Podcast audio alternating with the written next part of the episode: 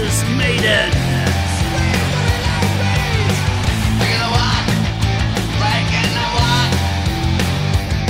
Ja, men vi kan jo si hei og hå, vi, Tarjei. Ja, det, kan- det kan vi. Det kan vi. Ja. Um, For sist, får vi si. takk for sist, ja. Så nå uh, har vi jo vært veldig heldige få med oss eh, selveste Torgeir Møyre. Eh, og vi skal snakke om senjutsu. eh, vi, eller vi skal, vi skal ase oss litt opp og ha noen eh, spekulasjoner rundt denne nye plata til, til Maiden som skal hete senjutsu. Ja, hjertelig velkommen, det. Takk for det. Takk, takk. Um, vi må jo si, snakke litt kort. Du er jo vår uh, Maiden-observatør for, for podkasten. Og du har jo fulgt nøye med på den første sesongen vår. Eh, så nå eh, er det litt sånn ordet fritt til deg. Nå, er vi jo, eh, vi er jo Priest-fans, men jeg syns jo, Bård, at vi snakker jo ofte opp Maiden i sendingene. Men kanskje, kanskje ikke nok. Så her tenker jeg at nå skal uh, få snakke litt. Ja, um, ja, jeg har jo på en måte saumfart alle podkastene så langt og lett etter ting å hakke på, liksom. Jeg syns jeg har vært eh, ganske grei og, og forsøkt å være ganske balanserte. Mm. Og hvis, hvis jeg har rett, da, så virker det kanskje bitte litt som dere liker meg litt bedre nå enn dere gjorde før dere begynte med podkasten. Kan det stemme? Mm. Ja, jeg, eh, det kan jeg bekrefte. Ja. At eh, jeg, Ja. ja, jeg har tilbudt jeg, har, jeg har aldri tilbrakt så masse tid på, med Maiden. Iallfall ikke de siste 10-15 årene som jeg har gjort det siden vi satte podkasten. Og eh, Ja. jeg, ser, jeg, ser jo mer, eh, jeg ser jo mer de gode tingene med Maiden, altså. Uh, så det, det har du rett i, Torgeir. Ja, jeg må si litt av det Ja, ja nei, det, det er egentlig akkurat samme, samme for meg. Jeg har hørt mye med Maiden siste halvåren. Uh, I hvert fall ikke, ikke til sammen som men lignet med de forrige ti, men, men eh, definitivt mye mer. Og har jo oppdaget nye album, sånn som Dance of Death, eksempel, som jeg jeg forbigikk. Eh, da når det kom ut osv. Så, videre. så Så det har vært, eh, det har vært berikende. Mm. Mm. Jeg, og jeg må si at eh, jeg har jo fått eh, en mer forståelse for uh, maskin-Maiden og uh, når jeg har satt meg inn i både musikk og, og, og de greiene som, er- som er rundt. Og ja, jeg skjønner litt mer, og, eh, jeg skjønner litt mer Maiden nå, syns jeg. Ja. Så, men eh, har du, eh, har du eh, hørt noe særlig mer på Priest? Har du fått mer eh, Priest-innsikt eh, det siste halvåret? Ja, eh, jo da. Altså, eh, jeg har jo det litt. Grann, og på en måte i hvert fall eh, eh, opp igjen i en del eh, ting og tang. Som eh, på en måte gjenopplevde en del eh, ting fra gammelt av og sånt, som er spennende. Men eh, jeg har jo måte, i, sånn, i nyere tid så har jeg jo forholdt meg til eh, de nye Priest-platene eh, stort sett sånn eh, i kraft av å være anmelder for Dagbladet og sånt. Så, så de, ting, de nye pris er ganske eh, ja, Jeg føler meg ganske oppdatert på det, men det har vært gøy å gå tilbake igjen og høre på de gamle platene. og Mm. og sånn som det er, og få liksom litt perspektiv perspektivene på det. da. Sånn, ja. Ja. Det er jo et band som har liksom mange faser og, og, og ja, epoker, eller ja, perioder som, er som skiller seg veldig fra hverandre. da. Så i, Mm. Kanskje i større, i større grad enn Maiden så er det, liksom, er det litt mer sånn eh, prega av tida. Eh, Mm. Ja. mens, eh, Maiden er kanskje litt mer stabeisa, mens Priest er kanskje litt mer eh, ute etter å Nå sier ikke jeg at de tilpasser seg trender, men at de på en måte tar liksom tidsånden litt mer inn over seg enn Maiden, kanskje. Mm. Ja. 70-tallet er veldig 70-tall, og 80-tallet er veldig 80-tallet, og 90-tallet så er det liksom ja, går de litt hardere til verks igjen. Mens uh, kanskje dagens Priest er litt mer sånn eh, en, en slags best off, hvis du kan si det sånn. Ja, ja nei, jeg tenkte på det spesielt på når Firepower kom, at dette var jo uh, en god blanding av uh, mange av Priest sine bein som vi har stått på de siste 50 årene, faktisk. Så det, er- det er kult. sånn Spesielt etter Richard Faulkner har begynt å, skrive låter, for det virker som han eh, dykker veldig i katalogen da, og finner fram liksom, det som han opplever som eh, den riktige priest, og så på en måte spiller han litt videre på de tingene. Så du finner liksom litt element av, eh, av eh, ja, alle periodene til priest inni i Firepower spesielt. Mm. Det, det, der, eh, Jeg så et intervju med Rob Halford, og han sa jo at uh, det var jo Når han, Richard Faulkner har sittet og lært seg alle de gamle Priest-låtene, så han, han har jo fått et helt annet innblikk på hva Priest egentlig er, og måten som riffen er lagd, og, og, tanken bakom. liksom, At han har blitt veldig inspirert av det. Så det, det, det stemmer nok, altså. Ja, men vi, skal vi, vi gå videre og snakke litt om uh, dagens tematikk, som er rett og slett denne Senjutsu-plata som uh, skal komme med, med Maiden i uh, september. Det tror vi, vi alle, alle, gleder oss til. og vi snakket jo litt om videoen her sist gang, meg og deg, Bård, når vi, når vi ja. hadde et sånn Facebook online-chat. Ja, jeg har jo litt lyst først til å høre med Torgrim hvordan det, en, hvordan det oppleves å sitte en, eh, en, en, vanlig sommerdag og plutselig få en helt ny Maiden-låt uh, i fleisen. Det er jo ikke noe som skjer hver sommer. Nei. Seks somre siden sist, i hvert fall.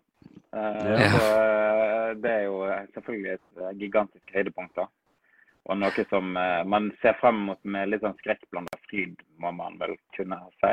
Mm. Og det blir, det blir, jo aldri det man forventer, da, fordi at eh, altså, du har jo alltid sinnssyke forventninger. Du, eh, du, vet liksom ikke Skal du få en ny Ace Side, blir det en ny Rhyme of the Ancient Mariner, eller hva? hva, Altså, du, klar, du, skrur det, jekker jo alltid forventningene opp i taket, og, sånt, og så får du noe som er noe helt annet. Og så må du eh, akklimatisere deg, og så må du prøve liksom Er dette bra, eller er det ikke bra? liksom. Eh, så det blir liksom men eh, eh, om jeg skal kommentere den låten, da, så, så må jeg jo si at jeg ble veldig overraska når jeg hørte den første gang.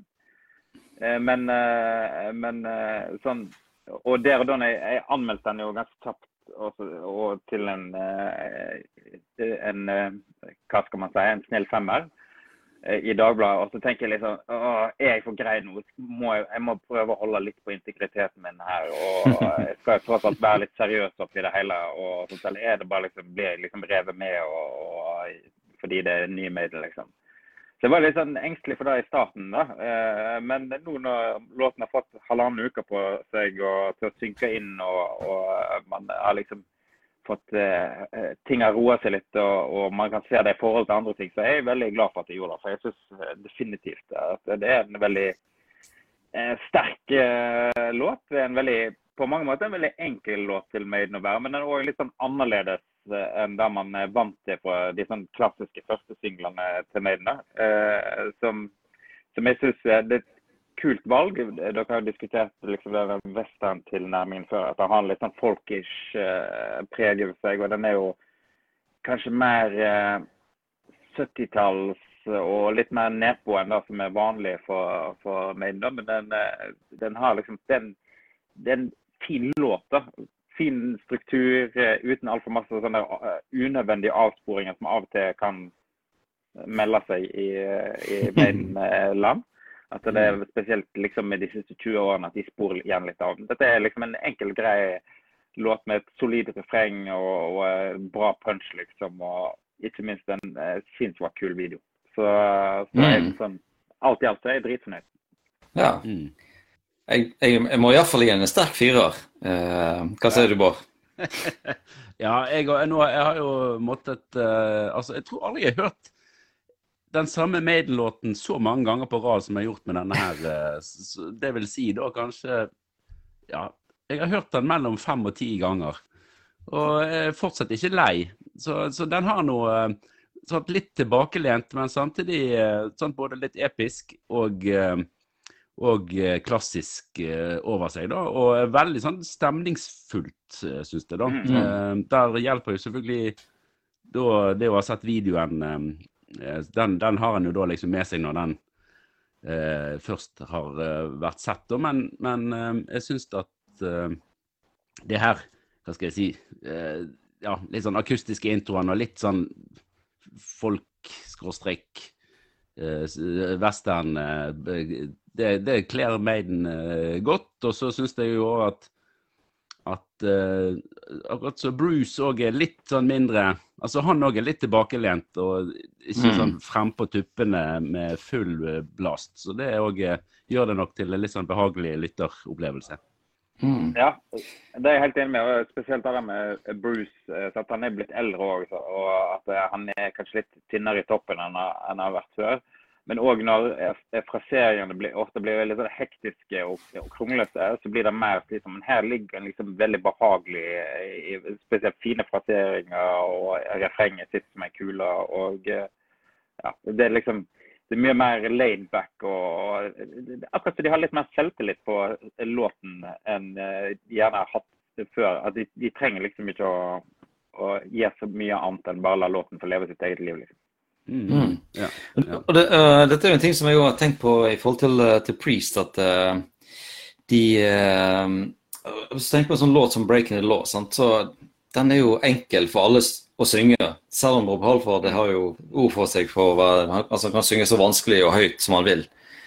Men de, de fleste Maiden-låtene, de er altså du kjenner det på, du kjenner det i halsen når du har sunget med på en hel Maiden-konsert og prøver å følge med opp og ned og sånt. øh. Så jeg er enig i at det, det er kult at han ligger litt, litt bakpå der, og det blir mer et liksom, eh, garantert allsang på den, på den låten der, altså.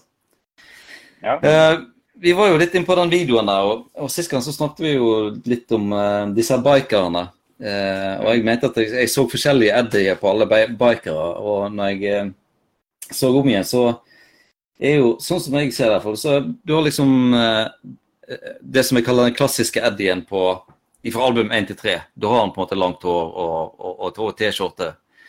Det er en ut av de, og så er det da neste er jo eh, skalle Eddie med beslaget. Var ikke det vi fant ut, eh, Bård? Det der, eh, den der beslaget som han har her oppe med de med to skruene i. Det er jo liksom Peace of Mind-Eddien. Og så var det jo Faro, Faro-Eddien. Og så var det jo òg Cyber-Eddie, som, jeg, som, jeg, som er min favoritt. Det var liksom de fire som kom inn der.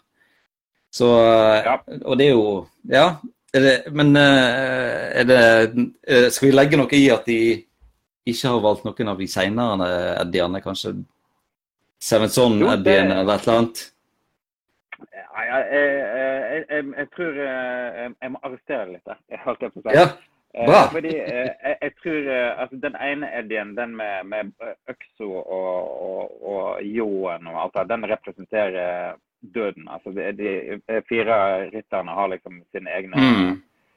ja, eh, egenskaper, da, si, eller rolle. Ja. Og, og den, eh, den er sånn, du sier det er en litt sånn universell Eddie. Da. Det kan jo det kan være Killers Eddie, det kan være også Death on the Road Eddie, som har liksom denne eh, kappa og ljåen. Eh, Mm. og, eh, så litt sånn, Den går igjen da, i den skikkelsen gjennom egentlig flere eh, ganger gjennom epoken. Og så har du eh, så har du Powerslave Edien, som, eh, som, eh, som gjør eh, uff, Jeg husker ikke helt hva er han- pest, eh, pest. Du må bare huske Four Horsemen. Pesten, pest. sant? Ja, og så har du jo den åpenbare bare Syborg-Eddien, eh, Summer in Time, med skrue og laserøyne og alt. Eh, Når du er inne på Mm. Sevenson, så har jo tr- fjeset til Sevenson-Eddien har jo òg laserøyne og den der skruen. Litt sånn for samme egenskaper. Så jeg, Ja, jeg vet ikke ja, om det det. bety noe. Men helt på tampen eh, så ser du Book of Souls-edien komme fram i bildene. Så eh, ja. Bra. Så det, det, du har liksom eh, Du har spekteret. Uh, Du har spekter. Ja, bra. Han, eh, han gikk meg ut forbi, han Book of Souls. eh, eller var han da? Ja, det er Ja. ikke så lett å få øye på, for jeg tror bare han er i bildet én gang. Da. Så, den- Den du ser mest, er jo døden. Den som har liksom både øks og, og ljåen og det ene med det andre. Så Ja. Ja, men det er vel uh, Book of Souls som slipper løs uh, noen sånn grasshopper eller litt sånn eh, eh, Nei, det var det, det, det, det, det, det det ok. ja. Ja, ja, ja. Så ja, Jeg må si ja, for det Enda en gang. Men det, det passer jo godt òg med liksom eh, eh, med Egypt-mytologien rundt eh, liksom forbannelse og ja. Ja, sju, ja, den der, eh, det var jo den gresshoppepesten eller svermen Ja, ja. liksom, som, som, var, som var der. Mm. Ja, kult. Eh, Og jeg, jeg fant ut at jeg kunne gjerne rote meg ut på noen Pink Floyd-referanser her. Så den her, de, de, disse bowler Disse med britisk uh, undik på og bowlerhatt og ingen fjes. Det er, jo, uh, det, er jo samme bilde som er på Wish You Were Here, tror jeg, singelen. Ja, altså, går de bærer på noen te, te altså med både ei mm. tekanne og så er det Tea Party, og så følger de etter den der bilen med mm. han amerikanske skal vi si, Altså, Det er et eller annet på skiltet med den bilen. og, du, ser at De amerikanske flaggene henger opp ned, og det er mm. ut uh. Så det liksom uh, ja, spiller jo på diktatur og stormannsgalskap og tjohei. sant? Uh, mm. Ting faller fra hverandre. Mm. Uh, og, hele dette greiene med Balshazars fest, sant, som er utgangspunktet for hele videoen, er jo ganske morsomt gjort. Spesielt med oppladningen med alle clouene som lå ut før med, med Daniels bok uh, fra Gamle testamentet, som handler om Babylons fall, blant annet. Så dette er jo på en måte historien som gjentar seg sjøl, når mennesker bare glemmer Gud og blir stormannsgale og grådige. og sånt. Og så mm representert gjennom, eh, løst gjennom diverse historiske hendelser. Og så drar de alle mot dette her Babeltårnet inne i ørkenen. Og så går alt til mm. helsike. Og så kommer Eddie og eh, eh, gir Adam og Eva en ny sjanse. Og så går de i dass igjen når de spiser eple. Så historien mm. gjentar seg sjøl. Eh, altså, det er jo litt, eh, litt vanskelig, litt smart og litt gøy på en gang. sant? Så, men det er jo veldig Maiden, da. ja, ja. Men, uh, men gjør det egentlig ja. Men, men, gjør det egentlig det? For er ikke det mange som mener at det akkurat var, det var smart av de å spise uh, uh, dette kunnskapens eple? Det er jo litt sånn sentralt i kanskje disse sånne antireligiøse greiene at hvorfor, skal du, hvorfor skal du bli hevet ut av altså Hvis du vet for masse, skal du bli hevet av paradis. Er nå det noe ja. å, å hause opp, liksom? Men det er jo en helt annen, ja. en, en, annen debatt sånn sett. da. Ja, ja. Men, Men det, er jo um, det vrimler jo i både eh, religiøs symbolikk og historiske referanser, og ikke minst eh, tonnevis med Maiden-referanser. Så det er sånn eh, Grepet med den videoen er jo veldig smart, for du kan sitte og se den videoen 40 ganger og oppdage nye ting. Så hvis de vil ha liksom, opp streamingtallene sine og, og, få liksom, folk til å snakke, og, og sånn så det, så er det en veldig sånn Mm. Ja, kul ting å gjøre. da. Jeg tipper at eh, Nå ble det faktisk uttalt eh, og ganske nylig at de var inspirert av Rammstein-videoen til Deutschland når de lagde denne her, som er, er bygd opp litt på samme måte. da. Med at du har mm. liksom, eh, Jeg vet ikke om dere har sett eh, den videoen, som er jo megaspektakulær. som eh, den refererer til masse sånne historiske hendelser gjennom Tysklands historie, helt ifra gamle Romerriket og eller de gamle ja, fram til, til 70-tallet så jeg stoppe en plass. Mm. Men det, det er jo liksom det er masse sånne historiske skikkelser, hendelser vevd sammen av en sånn her med hun Germania-dama, som er sånn der senter for, for handlingens løp, og en sånn der rød eh, laserstråle som er den røde tråden i, i, i, i videoen. Men det er jævlig, veldig morsomt gjort. og det er litt, mm. litt, det er litt samme mekanismene som er mm. i bruk her. Og Bruce Dickinson har jo også sagt at han, eh, etter han så den videoen, så ble han uh, veldig inspirert. til å nå er det på tide at vi gjør noe viktig i Nederland òg med videoer, for vi har ikke lagd en god video på 100 år siden. Så, ikke siden Can I Play With Madness. jeg tror det er siste bra videoen vi lagde. ja, ja, ja. Som, ja, ja. Som var, den var regissert av han eh, var det Terry Gilliams fra Monty Python. Jeg syns òg eh, faktisk det dukket opp noen eh, Monty Python-riddere der i, i videoen òg. Ja, det var jo Glenn Chapman sin siste, siste Ja, stemmer det. Det var det. var det. Jobb, jobb på lerretet, holdt jeg på å si. Han døde mm. jo ikke så veldig lenge etterpå. Mm. Og uh, det var jo en, en annen Monty Python-kar involvert i den uh, videoen òg. Ja. som, som, Bruce har jobba med i seinere tid, med bl.a. Alistair Crover-filmen sin. Og, ja, stemmer, stemmer. Mm.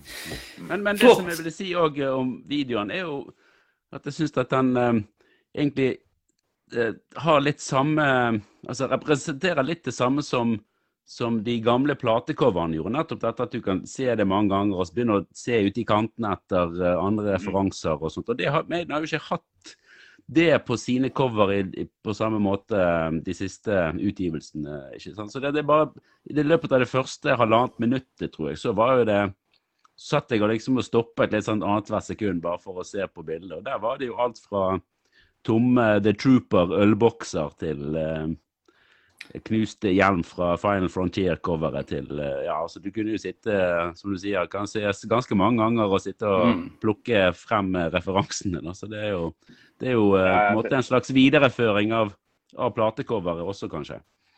Ja, Aces High Shop og Carton Horses, det som var den første plassen de spilte. og Det ligger vel òg i sånne, det det der portrettet fra Twilight Zone-coveret, som kanskje er den mest obskure singelen de har, ligger òg nede i sanden der en plass. Så Det er liksom Ja. bare fullt i, i easter eggs overalt.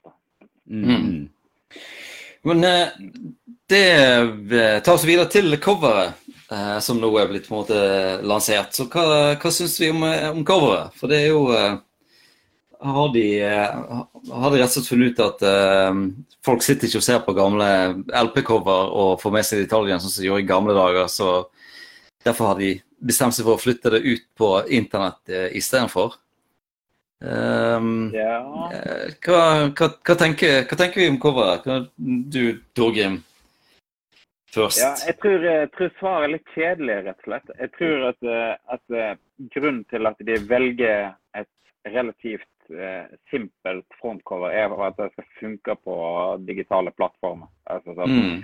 Spotify og alle de iTunes og alle de tingene der, der ting blir veldig lite. Og, og, og hvis du har et veldig metta cover, så blir det jo bare en klatt, liksom. Mm. Uh, og, men, og det, var jo veldig tydelig på The Book of Souls uh, fra 2015. Uh, men det, det, det syns jeg funka ut eh, veldig bra. For det var liksom Selve Eddien var ekstremt detaljert og forseggjort. Og den var veldig sånn klassisk i uttrykket. Det var nesten som eh, han hadde et slags sånn som et gammelt ikonfoto. da. Altså et portrett med eh, ja. Og jeg var litt, kanskje, eh, og det syns jeg var veldig fint gjort. da. Altså, den var veldig iøynefallende og, og kraftig sånn uttrykksmessig.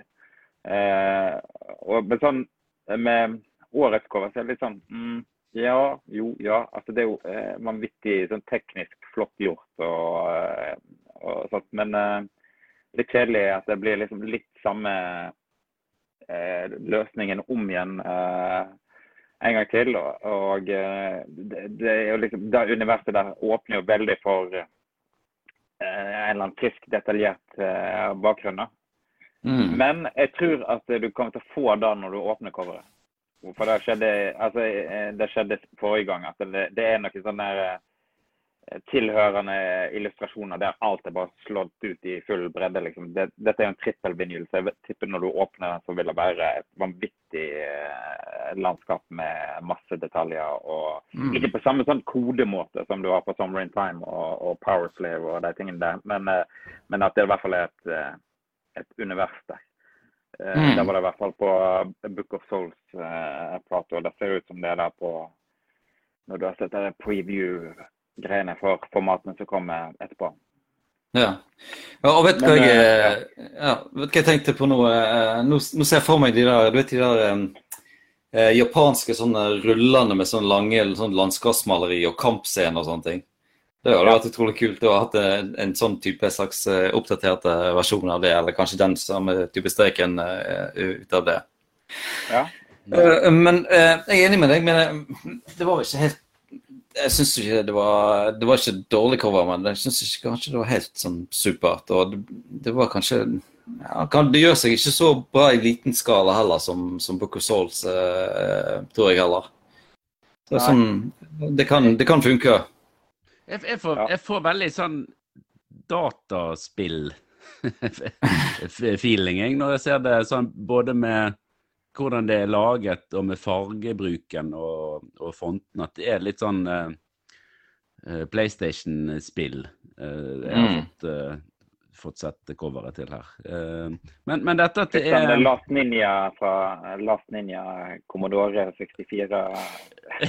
ja, Noe litt sånt. Men, men ja. Men, men, men, hvorfor skal vi til, til, til Østen og, og, Japan mer eh, spesifikt denne gangen, mon tro?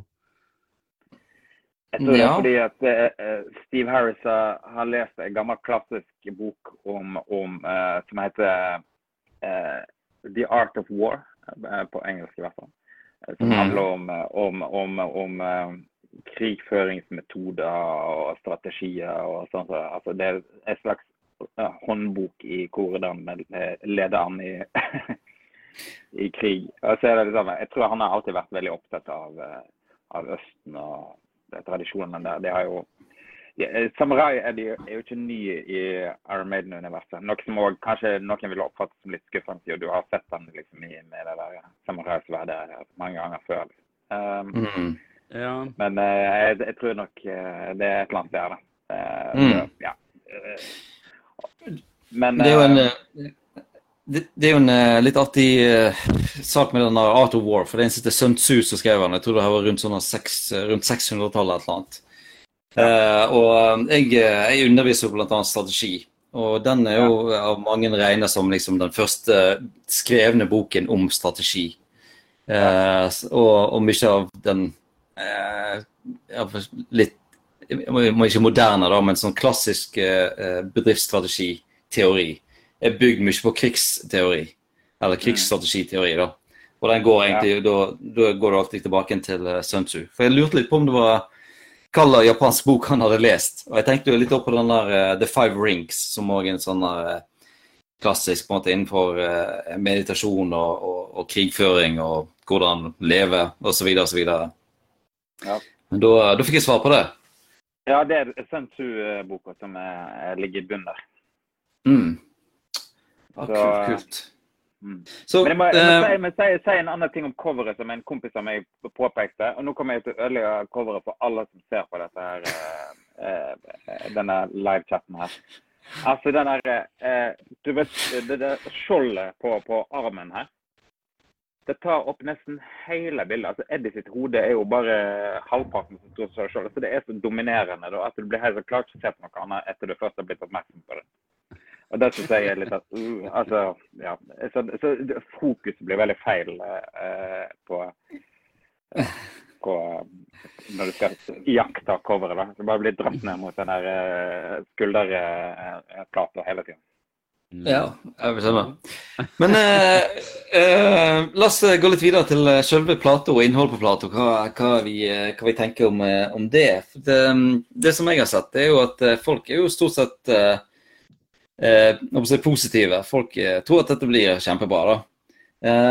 og, og litt sånne artige ting jeg leser på, på forum og Reddit-forum og sånn, så litt sånn på samme måten som, eh, som du sa, Torgrim, at uh, du har på en måte ulike epoker med, med, med, Priest. Så ser jeg at uh, mange unge folk de uh, forholder seg egentlig mest til på en måte post Blaze Bailey-platene. Så når de måte ramser opp sine beste plater, sant, så ligger ofte sånn Brave New World og A Matter of Life and Death det ligger på første og andreplass, og så kommer kanskje Peace of Mind på tredje eller fjerdeplass. Så det er jo Det, det syns jeg er litt artig, for det, de, som gammel mann så det er jo liksom de første fem, seks, sju medienplatene som liksom virkelig står seg. Ja. Men uh, hva, Har du noen tanker om det? Ja, altså, eh, det er jo en erfaring jeg har eh, gjort meg. Eh, og ikke, ikke veldig overraska, men litt sånn positivt. At, jeg tror, mm. jeg tror også det er derfor at Maiden har lykkes så godt som de har gjort de siste 20 årene. Fordi de klarte liksom å restarte seg sjøl totalt når de, når de fant sammen igjen. Da. At det ble liksom ikke bare en videreføring av det gamle, men en ny start. Jeg husker eh, jobba som scenetekniker på, på Eggstokkfestivalen rundt på tidlig 2000-tall. Eh, som er jo sånn lo lokalt eh, talentkonkurranse her i, i Bergen. da. Og Plutselig så hadde alle bandene de hadde tre gitarister og, og, var veldig liksom, inspirert av nye medier, Men de fikk en helt sånn ny generasjon av unge fans på begynnelsen av 2000-tallet Så, gjerne via, via andre band som var i vinden på den tida, som re konstant refererte og name-droppa Maiden. Sånn som Avenged Sevenfold og alle disse bandene her. Når de kom ut og begynte å gjøre det bra, så var det liksom name-droppa de veldig masse Maiden. Så mange av de folkene som kom inn i oppdaga metal med, med den nye bølga av uh, amerikanske heavy metal-band, Killswitch Engage og Lambo of God. Mm. Og, og, og, og de, de begynte liksom på Maiden med Brave New World. da. Og det Mm. sett i liksom nyere når du snakker med, med fans som er gjerne eh, 15 20 år yngre enn meg eh, igjen, eh, så er det liksom eh, Brave New World er på en måte deres Number of the Beast, og Rock in Rio er, er deres Live of the Death. Liksom. Så, Mm. så, så det, det er helt klart at, eh, at, eh, at de nye platene har en helt annen rolle for den yngre generasjonen enn gjerne for de som på en måte Mm. oppdaga bandet på 80-tallet. Mm. Og det, det er kult, for det, jeg tenkte det er litt sånn at eh, ja, ja, Number of These det er pappa sitt Maiden, men uh, A Matter of Life of Death det er mitt Maiden. Du har liksom den, uh, den greia. Det er sånn, ja, sånn som pappa hørte på. Det er, det er kult, det òg, men ikke, ikke så bra som de nye greiene som jeg hører på.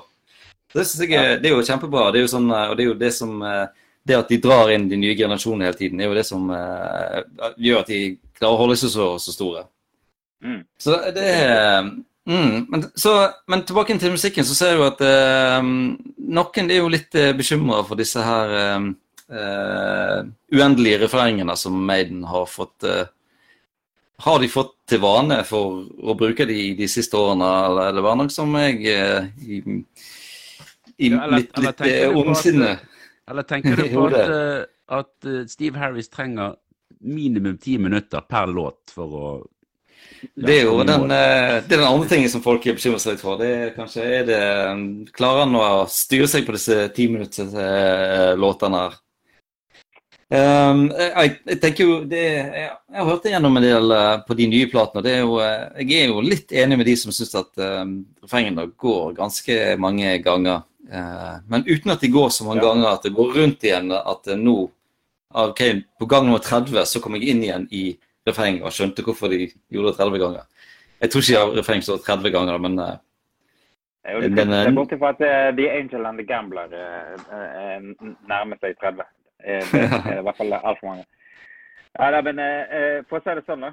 Eh, Når jeg hørte eh, The Writing on the Wall første gang, så var det sånn Når vi kom til siste refrengrunde, så bare Please, eh, eh, kutt noe etter den her. Kutt noe, vær så snill. Og så gjorde de det, og så var det litt sånn Yes, klart å holde, holde seg. liksom. Men, eh, men, eh, men altså, når det er sagt, så ja da. eh, Det er jo, eh, det er jo litt Harrison-stil, men det er jo ikke noe nytt av de greiene der. Altså, Heaven can wait, heaven can Ja. wait, og Seven Ton for Seven Ton. Altså, det, er jo, eh, det er jo et grep som man har brukt hele veien, egentlig. Altså, Ja. da Å gjenta tittelen på, eh, på, på låten Mm. om igjen og om igjen. Altså. Men, eh, altså, eh, men det er jo sånn med eh, Hvis du skal gå kritisk til verks, eller i hvert fall prøve, så er det jo litt sånn med nesten alle eh, 20 eh, eller 2000-tallsplatene at de kunne, hadde ikke hatt vondt av å bli redigert, for å si det sånn. Mm. altså, det er jo mange låter der som gjerne kunne kutta med en intro og en outro. og det, det var kanskje ikke nødvendig med det mellompartiet der, eller å gjenta refrenget der, osv. Det er bare sånn det Ja, det er, det er masse Du kan alltid finne ting å sette fingeren på, men det er liksom eh, Ja. De er nærmer seg eh, 70, enkelte av de, og de har sine veier, og det går vel sikkert ikke an å, gi så mye med det lenger. Altså, det, man må bare ta eh, det onde med det gode, holdt jeg på å si. Eller, eller omvendt. Eh, eh, så Jeg lærer alltid, å, jeg lærer meg alltid å eh, elske det uansett, men eh, hvis man skal prøve å være, liksom, være litt sånn eh, Ja. Prøve å være litt nøktern. si ja, det er alltid noe som kunne vært klippa og stramma opp og Mm. igjen. Men så jeg er litt sånn spent på den der altså Det er jo første gang på 20 år at Steve Harris har skrevet så masse alene. da. Og du Mm. har da fire låter som går over ti minutter. Det kan egentlig slå alle veier. da. Det kan være liksom være briljant, og det kan være eh, altfor mye. Men jeg er sikker Mm. på at, eh, at uh, inni de, uh, de minuttene med Steve Harris-musikk så ligger det mange fine øyeblikk, i hvert fall. Så kanskje det er noe rundt der som ikke hadde trengt å være der. Men uh, for eksempel The Red and the Black fra forrige plate, den kunne sikkert ha vært kappa greit inn. Men det er jo masse fin musikk inn, og fine melodier og riff inni der som man må jo bare sette pris på. mm, ja, det, og, og, og der, der, prøvde vel også Mr. Dickinson å, å overgå Harris med den her Empire of the Clouds. Uh, uh, ja. sånt, som bikket vel inn på nesten 17 minutter eller noe sånt. Men jeg sier at der har ikke Steve Harris har ikke prøvd å toppe det igjen. eller kanskje er det fire deler. da At det er egentlig 45 minutters med musikk som, som ja. Ja, det, det er òg eh, nå, nå, trodde jeg, eh, nå trodde jeg et øyeblikk Torgrim, at du mente at ja, de nærmer seg 70, så de, de, husker kanskje ikke at de har spilt i de første 17 gangene refrenget. Og så tar de et par til for hva Det da. Uh, men, uh, Nei, da, men det, det, er jo det, det, er jo klart at, at, den gjengen der, med den suksessen de har hatt, spesielt av Steve Harris, han har jo på en måte, er vant med at han stoler bare på seg sjøl. Han gjør akkurat hva han vil. og Det har jo på en måte tatt ham dit han er i dag. og så kan man jo diskutere om han fortsatt tar de riktige valgene. Men jeg tror ikke, jeg tror ikke du får inn noen nei-menn i det uh, uh, rommet der som blir hørt på i, i 2021. Altså.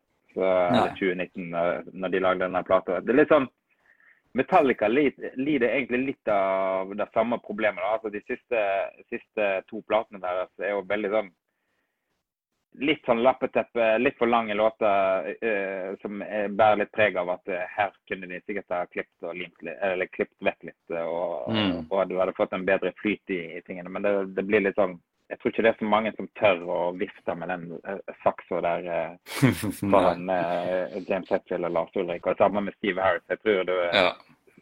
skrur der du får beskjed om å skru. Og så, ja. ja. Ja, det der, dette, vi hadde jo en episode der vi snakket med, med Ivers Ivar Sandøy, som er da en eh, plateprodusent. Og um, jeg, jeg, prøvde jo å hinte litt til dette at det ble Kevin Shirley ansatt fordi at ingen skulle klippe i, klippe i, låtene til Steve Harris.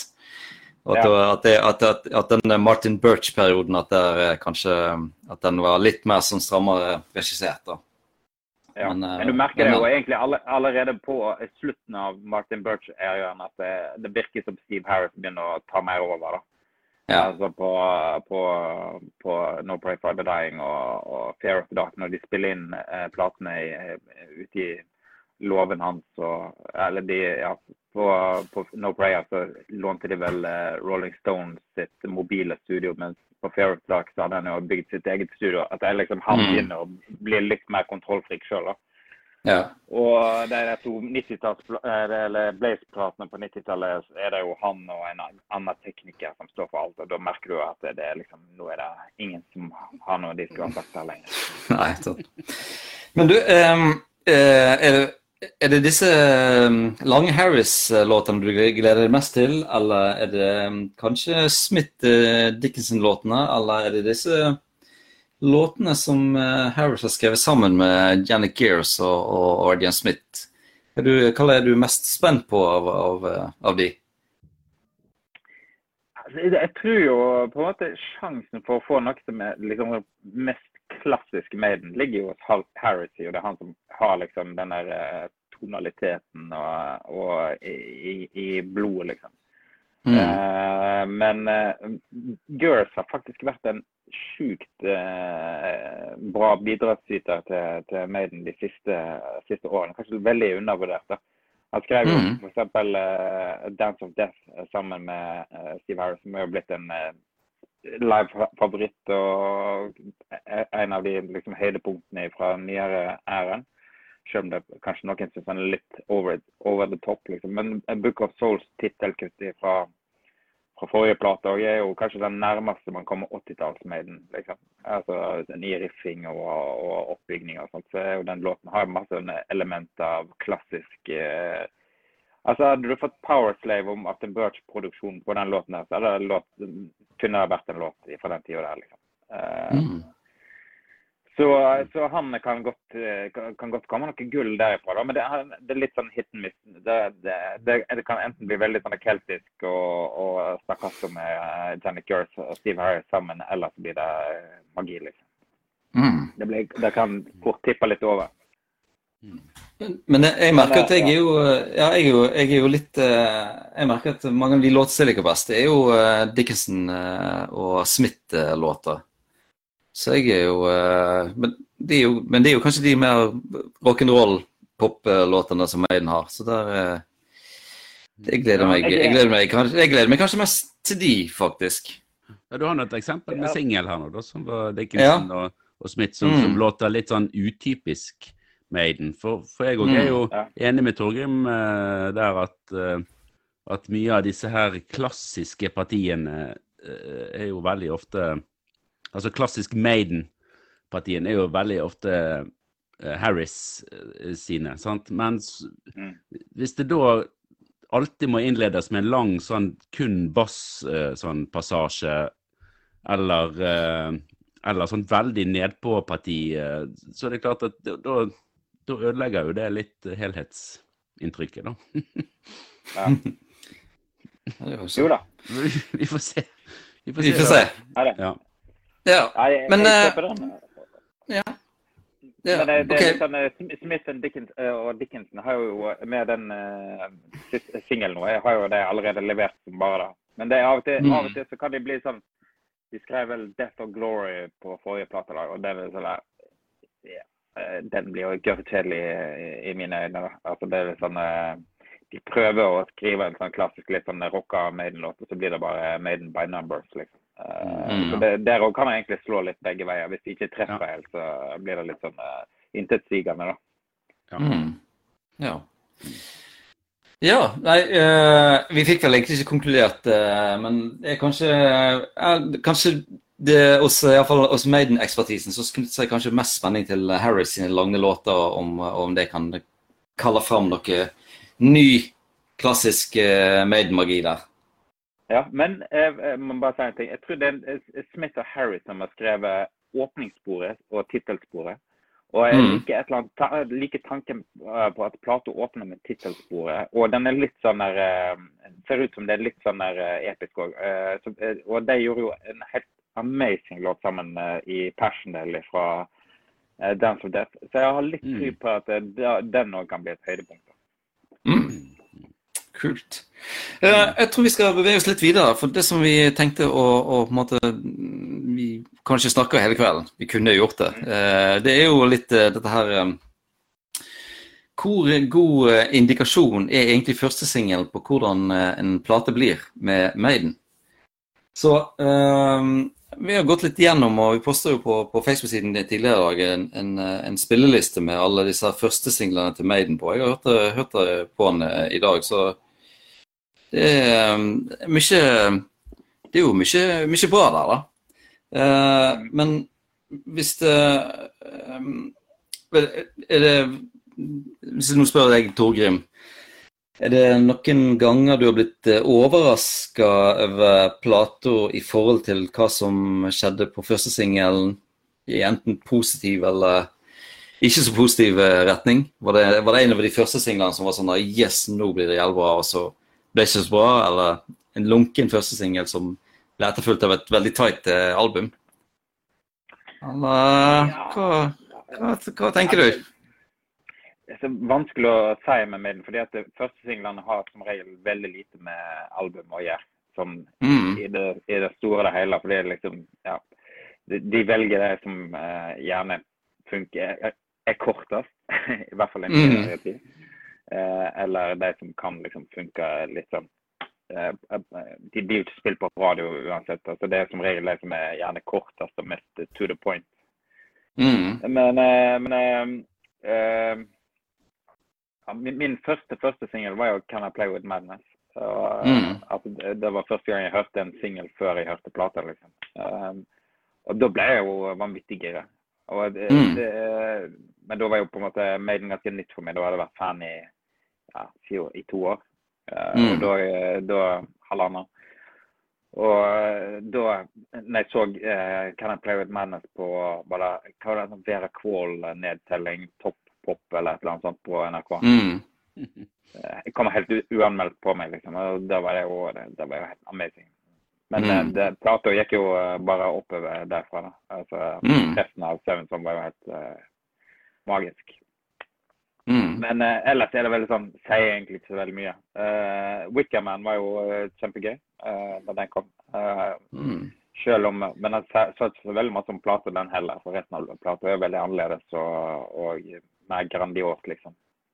Ja. Mens, eh, mens, eh, mens Dance of Death har en litt sånn uh, ja, helt OK første singel, Uh, men ikke noe å hoppe i taket på. Heller sånn Eldorado fra, fra Final Frontier var bare helt sånn ja, litt gjesp, må jeg ærlig innrømme. Det Ja, da, da var jeg Da ble jeg litt sånn skuffet. Uh, Ja, da fikk i hvert fall jekket ned forventningene ganske mye. Men ble Mm. da ditto positivt overrasket over eh, den neste som kom da. Mm. Ja. Titel. Andre singlene er jo noe helt annet. Ja. det er kanskje de vi bør snakke om. Aces High og Number of the Beast og de tingene. Ja, ja. Ja, nå skal vi ikke kimse av eh, Two Minutes uh, til Midnight heller som første singel. Uh, før, uh, før Aces High også. Nei, så Ja. du tenker at det er å, det er vanskelig å si noe om hvordan plata blir, rett og slett, basert på den, den singelen som vi har hørt nå. Det, de første singlene er litt sånn um, fris, fristilte nesten, da, ifra, ifra hvordan hele albumet blir, stort sett. da. Ja, Du kan jo høre Ja. litt på produksjon og sånne ting. da. Eh, jeg synes, og Hvordan det låter, liksom. Eh, og eh, at denne her liksom såpass annerledes, så kan jo tyde på at de kanskje har tatt seg noen friheter underveis, liksom. Mm. Ja, ja, for det, det, er jo, det, det er jo en ting som mange har kommentert, at nå her, eh, her er de løs i buksestrikken, var kanskje feil ting å si, men at det, de gikk litt utenfor komfortsonen med den første singel, og om, eh, om de strammer til eh, buksestrikken når plata kommer eller ikke, det, kanskje, det kan kanskje bli litt spennende, spennende å se. Ja. Så, mm. mm. Men jeg har litt sånn, har eh, litt sånn Dance of Death-forventninger på en måte. Eh, fordi at der gjorde de òg en del ting som de ikke har gjort før. altså En akustisk låt, og, og Nico spilte med doble basstrommer på én låt. og eh, Skrev en låt. Og, ja, så de gjorde litt sånne ting som var utypisk for dere. Dickinson har Mm. sagt at det er en del uh, låter som er veldig utypisk for Maiden uh, på denne plata her òg. Den Mm. singelen in inkludert, vil jeg tro. ja, det ja, stemmer det. Ja, Da kan vi forvente oss eh, variert, eh, kanskje et variert album, da, også eh, med noen låter der Steve Harris virkelig får gå i, i dybden av seg sjøl. Han får Og henter Han, han henter fram sin indre, sin indre samurai, eh, Ja. sin indre krigshelt. Eh, ja. Ja. ja nei, jeg, jeg er optimistisk, altså. Um, jeg, jeg, jeg tenkte på kanskje vi skulle, um, om vi skulle avslutte med um, topp tre første singler i uh, forhold til uh, Maiden-katalogen. Uh, og jeg, ja, jeg fikk lyst til å dele det i forhold til før og etter Blaze Bailey kom.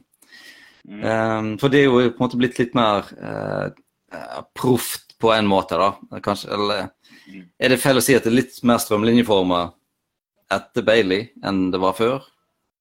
Jeg har en viss følelse av det, iallfall. Så um, Ja. Så, men eh, jeg kan, ta, jeg kan begynne med mine. Så for um, før Blaze Bailey, så mine topp tre eh, er på tredjeplass er Flight of Icarus, som er da første singel for Peace of Mind. Og Det er en av de låtene som jeg liker veldig godt. Eh, og så syns jeg Run to the Hills er bra, og jeg, jeg husker jo ikke at den var første singel for Number of the Beast, for jeg var ikke Jeg er gammel, men jeg var ikke så gammel at jeg husker den kom som første, første singel. Men den første singelen som jeg husker fra den tiden, det var jo eh, Wasted Years når, når den kom. Og den syns jeg jo var jævlig bra, og den, den lå til Maiden uten at den var veldig sånn standard Maiden. Og den syns jeg også satte jo veldig tonen for eh, Seventh Son, nei, eh, Somewhere in Time. Um, både videoen og, og de cybergreiene òg, med sånn litt sånn filen på, på låtene. Det har jo meg og Bård iallfall snakket om tidligere, at det er en sånn stemning på den Somewhere in Time som vi eh, som vi liker veldig godt. da. Mm. Uh, og av de som uh, kom etter Blaze Bailey, så syns jeg da den uh, Speed of Light på tredjeplass, det er jo den som var på eh, Book of Souls. En god det, det er de, korte, gode rockelåtene jeg mest glad i, da. Andreplass, andre plass, det er jo den her eh, The Writing on the Wall syns jeg er bra. Og, det, eh, og, og jeg ser jo på, på de, de, som jeg har valgt, uh, iallfall før eh, Bailey, de, der kom det jo gode album som jeg likte etterpå. Mm. Men jeg syns uh, faktisk at Wildest Dreams er den som jeg liker best av de første singlene etter Bailey. Den som kom før eh, Dance of Death. Den syns jeg har et bra, bra, bra feng. Og låter bra. Så ut ifra det så um, kommer jo da dette til å bli den nest favorittplata mi etter Blaze Bailey av, av de nye. Hvis vi kan Ja. Skal jeg ta mine, da, så får Torgeir komme med fasiten til slutt? Ja, det var en god idé. ja, nei, jeg syns det Altså, før ja, Som du nevner, altså andre singler er jo ofte, ofte de som eh, Ja, eller i, i mange tilfeller eh, bedre eh, låter. Men jeg må nok eh, eh, Ja, for meg så blir det da Two Minutes to Midnight på en, eh, på, som nummer tre. Og eh, eh, Flight of Icarus på nummer to. Og så blir det, eh, også for min del eh, Fra Summer in Time, da, Wasted Years. Ja, Mm. det, det er ikke eh, så mye mer å snakke om uh, der. Er synkt. Men, ja da, mens eh, etter For, for jeg òg fant ut at 'Writing on the Wall' den kommer høyt opp uh, når det gjelder første singler uh, nå, altså. Så Men, men uh, Wickerman uh, syns jo jeg var, var frisk også når, når den kom. Og, og det var jo litt i, i comeback eh, comeback-fasen til Maiden. Sant? Det var kanskje, kanskje var jeg også litt sånn vennlig Ekstra vennlig innstilt på at dette skulle låte, låte, låte bra. Så, så den må jeg jo eh, Det er nesten sånn at at eh, jeg må dele førsteplassen uh, Wickerman og, og Writing on the Wall. Mm. Og så slet jeg litt med å finne gode, gode eh, singler, jeg, eh, etter det. Og har liksom prøvd å huske litt hva som kom fra hvor, og det var plutselig så gikk det jo helt i surr for meg hva som var Sånn som eh, Hva var det jeg så her Ja, sånn som at den Benjamin Breeg kom fra A Matter of Life and Death. Det sto var plutselig Ja, det kunne jeg rett og slett ikke gjøre redd for. Så eh, ja, vanskelig å si. Skal jeg kanskje bare ta Eldorado da på tredje, bare for å ha en tydelig tredjeplass? Ja. Eh, Mm. ja, bra. Nå eh, kommer fasiten fra eksperten sjøl.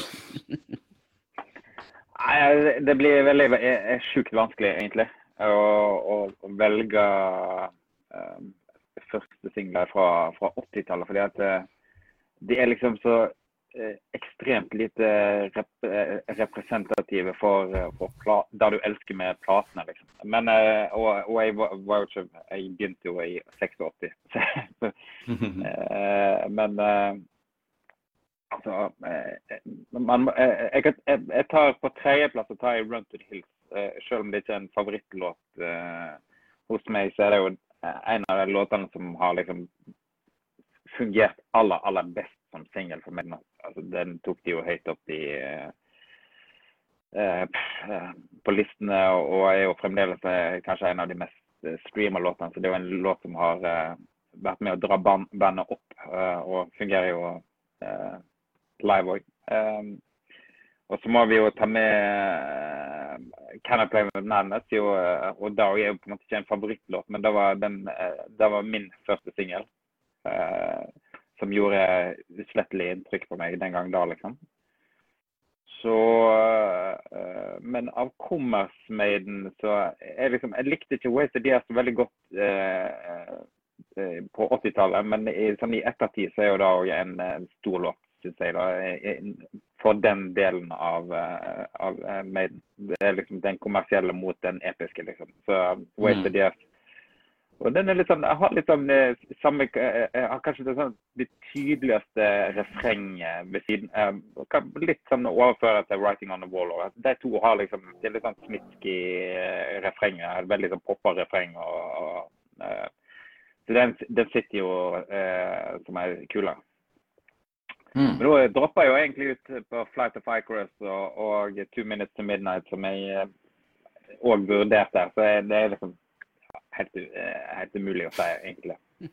Mm. Egentlig så har jeg lyst til å ta med Twilight Zone eh, fra Killers plass, som er egentlig bare et bonusspor på Killers plass. Men eh, det var, jeg, den var vel kanskje ikke første singel heller.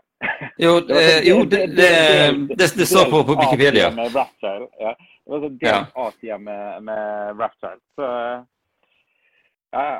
Nei, men jeg, jeg gikk jo for, for, for, Run to the Hills og Can I Play With Madness og Wasted Years, jeg, da. Mm. Uh, men, men, men Post Bailey er litt lettere. Da har jeg eh, Benny Brigg, som vi kaller han, eh, på, på tredjeplass. ja. Eh, den var litt sånn utypisk første singel. Altså, den var litt mer midtempo og groove-orientert. Og, og ja, ikke helt det man forventer som første singel. Og som òg da ga et frampeik om at her kan alt hende. Og de amatørplatene var jo òg kanskje kanskje en av de mest sånn helstøpte uh, post-reunion-platene. Selv om den samtidig òg kanskje mangler en sånn tydelig uh, storlåt. Som alle de andre platene egentlig har. Det er litt mer mm. jevn uh, altså, Alle låtene er solide, men det, det, mangler kanskje den ene liksom sånn killer-låten som blir huska for, for evig og alltid, som òg dukker opp i mm. settet Eh, sen, på, på, på senere turneer.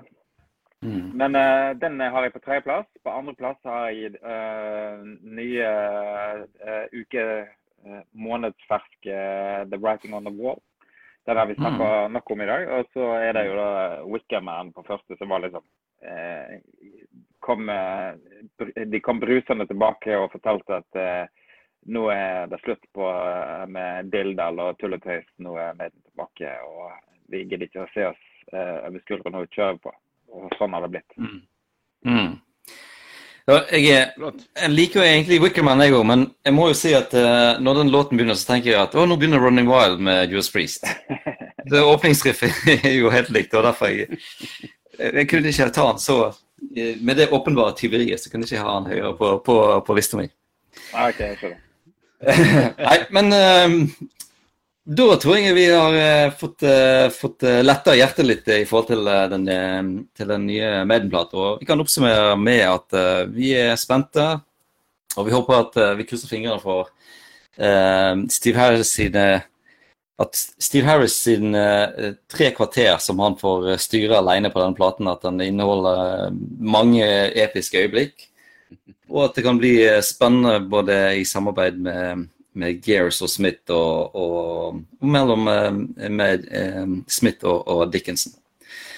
Så eh, ja, er det greit oppsummert?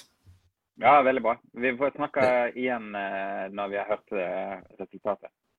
Vi får gjøre det. Tusen hjertelig takk for at du tok deg en sommerkveld med meg og Bård, du Torgrim. Og tusen takk til deg, Bård, for at du tok deg en sommerkveld med meg og Torgrim. Ja. Uh, Selskap. Ja. Takk, takk, til alle som fulgte med på, på, på livesendingen. Og takk til alle som hørte på podkasten, for jeg tror dette blir òg en, en podkast. Og eh, for de som hørte på podkasten, nå hilser Cyber-Eddie fra Torgrim sitt uh, vindu. Vi snakkes. Right. Vi snakkes da. Ha det bra. Hei